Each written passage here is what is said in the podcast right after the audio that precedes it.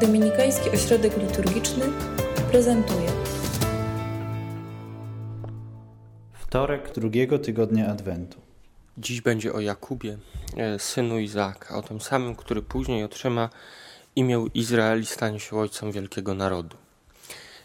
Prawdopodobnie zawsze, kiedy stajemy przed postacią tak wielowymiarową, tak wielowątkową, o której tak dużo Pismo Święte mówi i która jest tak ważna w historii narodu wybranego, zawsze stajemy przed problemem wybrania dominanty czy głównego wątku yy, osobowości, osobowości tej postaci. I tak, tak rzeczywiście jest w przypadku mm, Jakuba.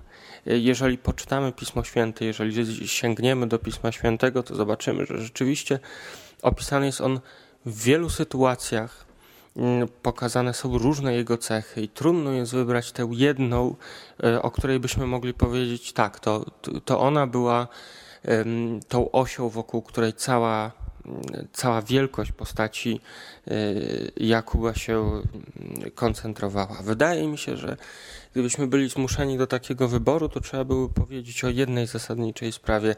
Jakub był tym, który niezwy, któremu niezwykle zależało na Bożym błogosławieństwie, któremu niezwykle zależało na Bożym błogosławieństwie i na Bożym wybraństwie.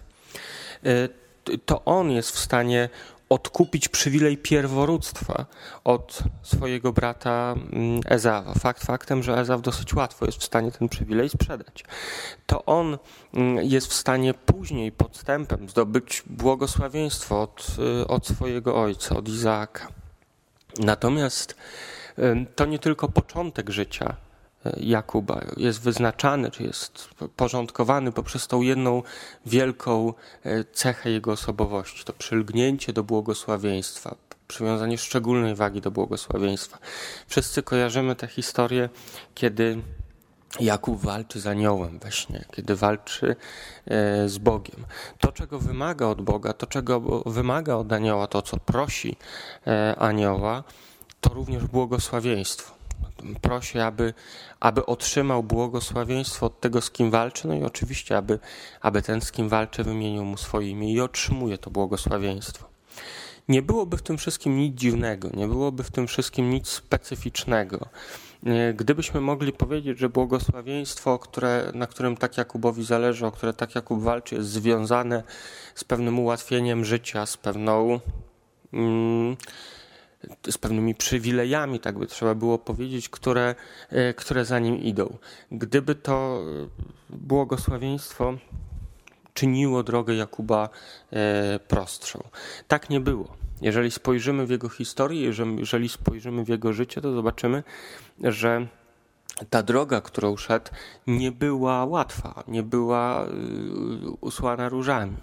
Przez to, że podstępem zdobył błogosławieństwo od swojego ojca, musi uchodzić przed swoim bratem. Później jego e, teść ewidentnie go oszukuje.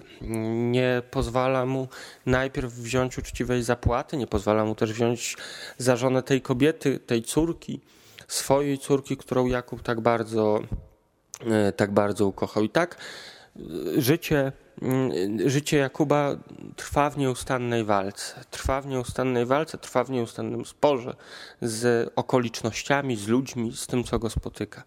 Pomimo błogosławieństwa, jego życie staje się trudne. I to jest, to jest chyba istota, to jest ten, ten główny rys cechy, czy ta główna cecha Jakubowa. Umiłowanie Bożego błogosławieństwa, umiłowanie Bożego wybraństwa, pomimo że to błogosławieństwo i wybraństwo nie jest proste, że ono przynosi za sobą więcej trudności niż przyjemności, że ono nie zwalnia z żadnych trudnych, z żadnych trudnych spraw. I dlatego też Jakub pojawia się w genealogii, w genealogii Chrystusa. Nie tylko dlatego, że oczywiście związany jest z Chrystusem więzami krwi, jako ten, który stanowi początek narodu Izraela, ale dlatego również, e, że Chrystus, ten, który nie skorzystał ze sposobności, aby na równi być z Bogiem, ale ogołocił samego siebie, że, że, że Chrystus ponawia ten, mm, ten rys osobowości Jakubowej. On również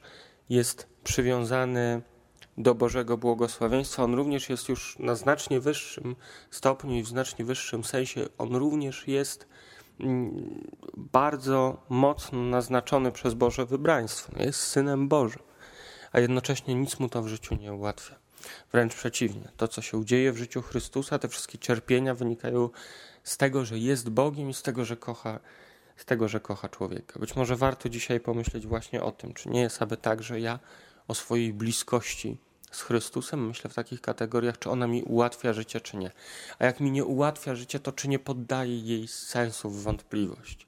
A jak nie ułatwia mi życia, to czy przypadkiem nie jest tak, że ja tracę zaufanie do Boga i do Jego, e, i do Jego działania w swoim życiu.